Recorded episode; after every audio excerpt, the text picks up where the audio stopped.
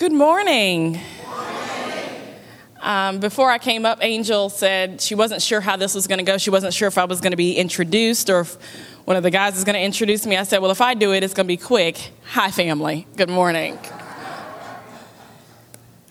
Give me just a second.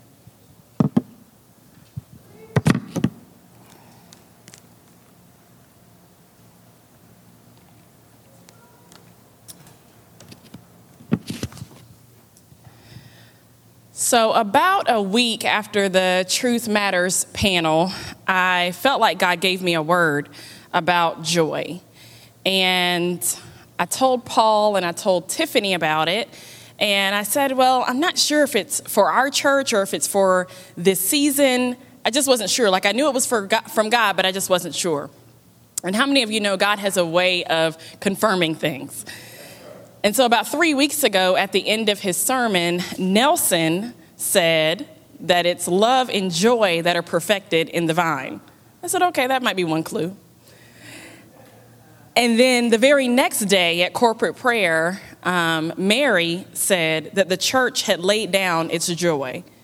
And so between those two, I, I got it real quick that yes, this was the word for our church in this season. And so this morning, uh, the title of my sermon for you is Restore My Joy. Restore My Joy. And so we're going to start off with Galatians 5 and 22 through 23. And it says that the fruit of the Spirit is love, joy, peace, patience, kindness, goodness, faithfulness gentleness, self control. Against such things, there is no law. Now, notice that the Bible doesn't say fruits of the Spirit. This is not plural. The word is singular, one fruit. So, all nine should be evident in our lives at the same time. So, instead of thinking about the fruit of the Spirit like we would an apple here, a banana here, kiwi, berries, Think of it more as a cluster of grapes, all from the same essence and vine. Because you can't cultivate love and not have joy or peace, or grow in perseverance and lack self control. All nine are linked together. And today, our focus will be on joy. The passage that we're going to sit in for a little bit is Psalm 51, verses 12 through 13. And it says, Restore to me the joy of your salvation and sustain me with a willing spirit. Then I will teach transgressors your ways, and sinners shall be converted and return to you. This psalm was written by King David. It was written after a very horrible time in his life because he had committed adultery with Bathsheba and conspired to have Uriah, her husband, killed to cover up the sin. David thought that he had gotten away with it until Nathan the prophet came knocking on his door. And he confronted him with his sin. And instead of being defensive and making excuses, David was actually very broken over his sin. And that is how we get Psalm 51. And he ends up asking God to restore him but to restore him specifically to the joy of his salvation. So, what does it mean to restore? Well, restore means to renew or to repair. If something needs to be restored, that means that it's damaged or it's worn. I would imagine that after this past year and a half, many of us would confess that our joy has taken a hit. We have witnessed global disease and death, national turmoil, division between the classes, races, sexes, even division within the church over politics, vaccines, and masks of all things. Some of us have lost loved ones over the past year and a half through death, divorce, or even just disagreements. I remember hearing a story of a young couple that would not allow, no longer allow their parents to babysit their children, their, their grandchildren, because of who they voted for. And so these things are very real. There's division and confusion all through our country. We have battled disease, job loss, uncertainty regarding the future. Things that were once very stable have been flipped upside down. And this has affected our joy. I think the prophet Habakkuk summed it up very well. Even though this was in the Old Testament, I think it's very fitting even to today. In Habakkuk chapter 3, verses 17 through 18, it says, Though the fig tree does not blossom, and there is no fruit on the vines, though the yield of the olive fails, in other words, when there's no food, or in our case, no toilet paper or gas or soap, and the fields produce no food, though the flock is cut off from the fold, or I, that sounds like isolation, sounds like quarantine to me and there are no cattle in the stalls, yet I will choose to rejoice in the Lord. I will choose to shout in exultation in the victorious God of my salvation. So, this tells us here that joy is a choice and not a feeling. So, what exactly is joy? When we hear the word joy, we often think of an outward expression to be quite honest, the person that comes in my head when I think of joy, who's not here today, is Jessica Johnson. We think about smiles, we think about laughter, we think about that new bouncy baby. We think of all of the good things that we enjoy in this life when we think about joy. And all of these things are wonderful, they're great, they're gifts from God, but it's not biblical joy. Biblical joy is so much deeper than a warm smile or a belly laugh. While these things are good, they are temporary and change depending on our outward circumstances. Biblical joy is inner contentment and satisfaction in the Lord. There was a minister named Martyn Lloyd-Jones who said it like this He said, Joy, in other words, is the response and the reaction of the soul to a knowledge of the Lord Jesus Christ. So here again, we see that joy is a response and a reaction. It can express itself in a feeling, but at the root, it is a choice. So, what damages or wears down our joy? When we revisit the life of David in Psalm 51, we find the joy robber sin. Sin is what caused David to be in the place that we find him in Psalm 51, in desperate need of restoration. And there are just three ways that sin robs us of our joy. First, there's original sin. Original sin was when Adam and Eve came into this world and, and rebelled against God, bringing death for the very first time. And so, this, uh, this death is something that we have had to deal with even now. We have had to deal with physical death of loved ones and people that we hold dear to us, as well as spiritual death, which we need resurrection from through Jesus. And death has a way of creating isolation and fear and uncertainty. It has a way of chipping away at our joy. It causes people to lose their sense of identity and purpose. Now that this loved one is no longer here, who am I? How do I navigate into this world? And so that is one way that sin robs us of our joy. The second way that sin robs us is our own sin. I know we don't want to talk about that. But our own sin, if left unrepented, can lead us to be disconnected from God. Pride, offense, doubt, rage, envy, lust, greed. All of these things, if we do not repent, if we don't turn away from them, will disconnect us from God. Because after all, it's hard to be joyful when we are not connected to the joy giver. The last way that sin affects our joy is other people's sin.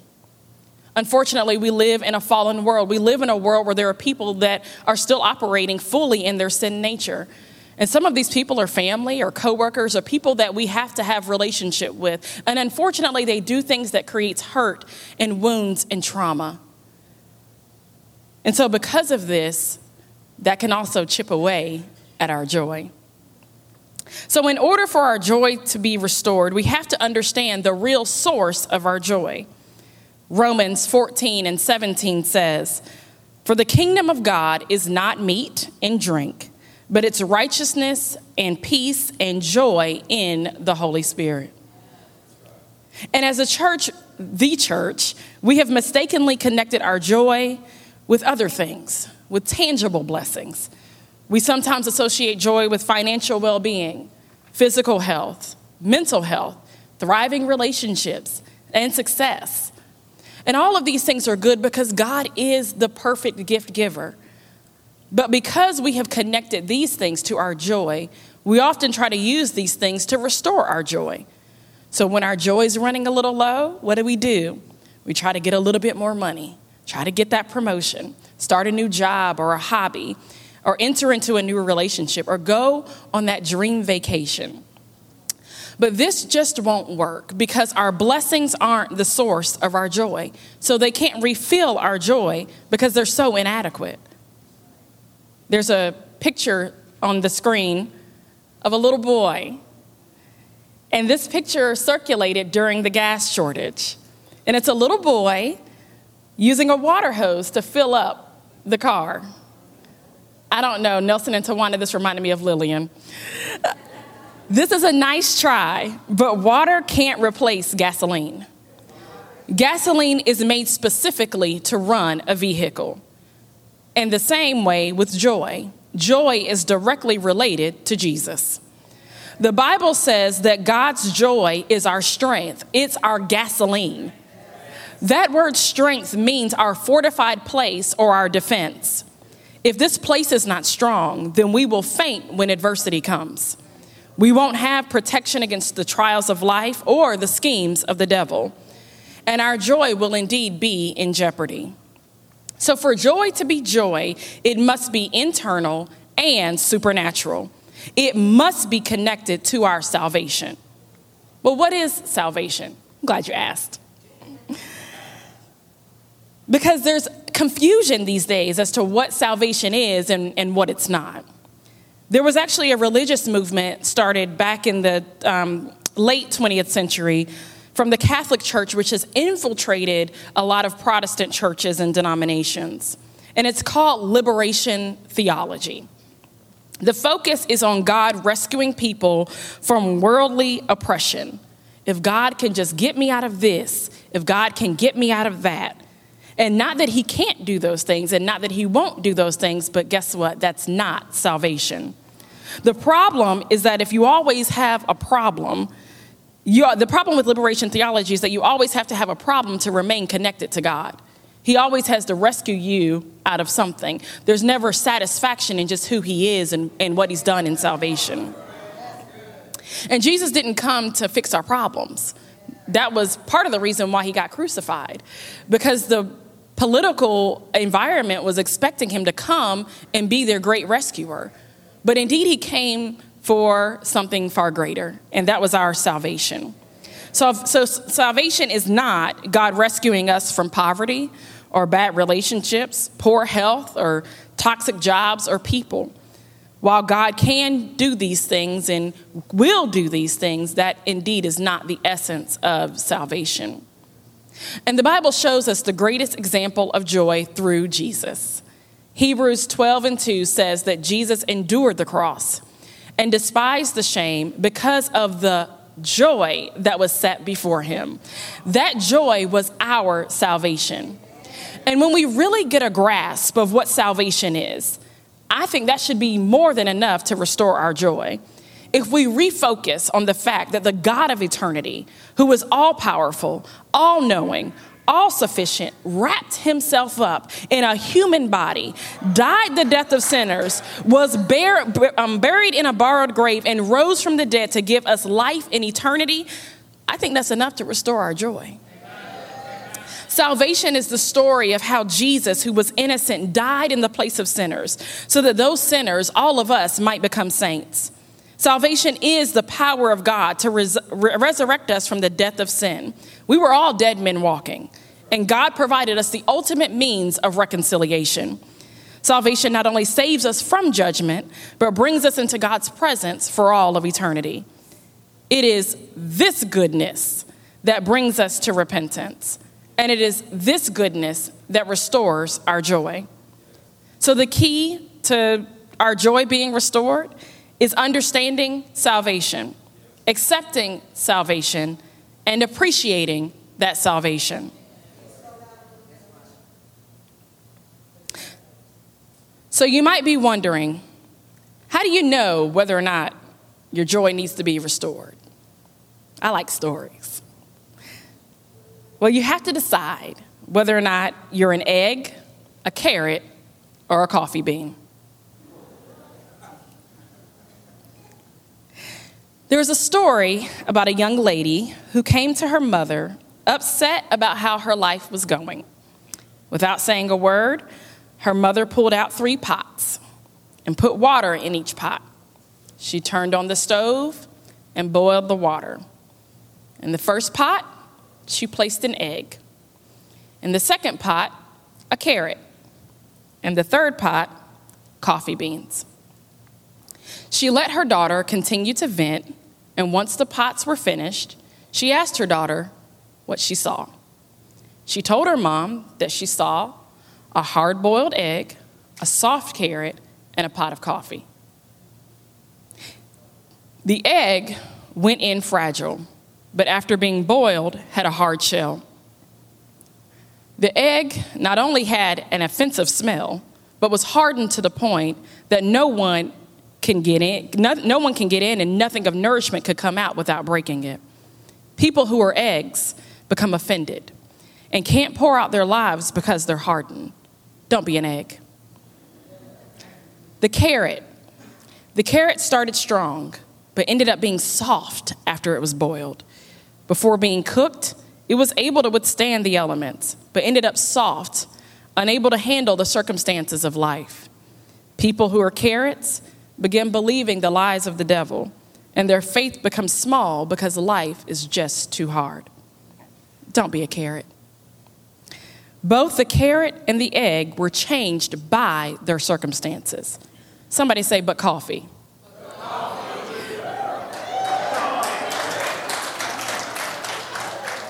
But coffee, instead of the water changing the coffee, the coffee beans changed the water. When we have the joy that First Peter describes as unspeakable and full of glory, we don't become conformed to this world or its problems. We don't see the world through politics, gender, racism, money, possessions, or relationships. We don't live life simply going from one problem to the next, putting out this fire just to go to the other.